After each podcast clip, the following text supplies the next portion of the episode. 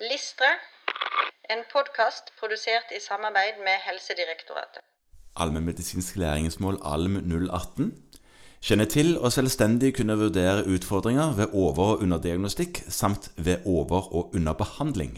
Dette er et veldig grunnleggende punkt i allmennmedisinen, og det er helt sentralt i forhold til å kunne drive god fastlegepraksis. Ja, hvorfor det? Hvor... Nei, for ellers så bruker vi ressursene våre feil, eller pasientene får for dårlig behandling.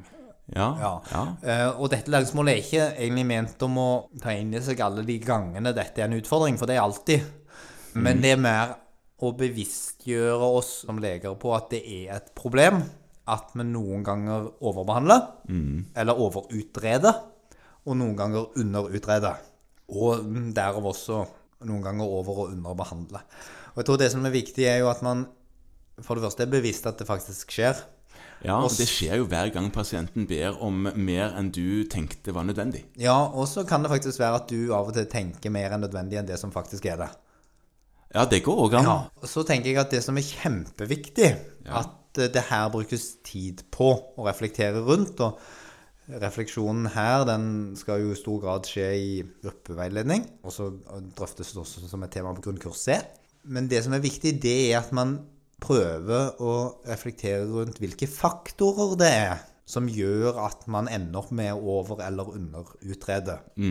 Eller behandle. Ja, og Hva er det som driver dette? Hva er det som driver det? Er det faktorer hos meg som lege? Er det min egen usikkerhet? Er det pasientstyrte faktorer? Det, altså, det er lett å tenke at det er pasientstyrte faktorer som styrer overutredning. Altså pasienten krever å få det ene eller det Ja, andre. og du klarer ikke å stå imot? Nei, eh, men det kan jo også være at pasienten bagatelliserer symptomer som du selv syns burde vært fulgt opp. Ja, Eller det kan være samfunnsmessige trender ja det kan det være. som, det som det være. driver ting. Ja, ja visst. Så den refleksjonen er det her vi ønsker at man skal bruke tid på. Først og fremst gjennom samtaler i gruppen, men gjerne også med kollegaer på kontoret og i andre fagfora, Ja. for å bevisstgjøre seg hva det er som påvirker det. Ja. Eh, og så er det settpunktet for hva som er riktig nivå, det har nok endra seg med årene, Det har det nok. tror jeg. Ja. Eh, vi kan si. ja. Vi har jo fått mer og mer tilgjengelige utredningsmuligheter. som- Ting blir billigere, Ja, og- man finner ja. annen dokumentasjon for hvordan man kan bruke ting. Sånn at uh, dette er ikke hogd i stein, og det er dynamisk, men det som er det viktige, er, er igjen at man ser på hvordan skal vi ligge.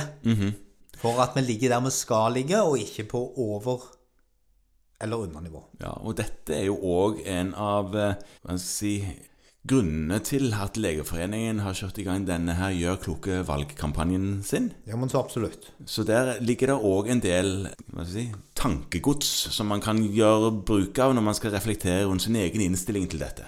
Absolutt.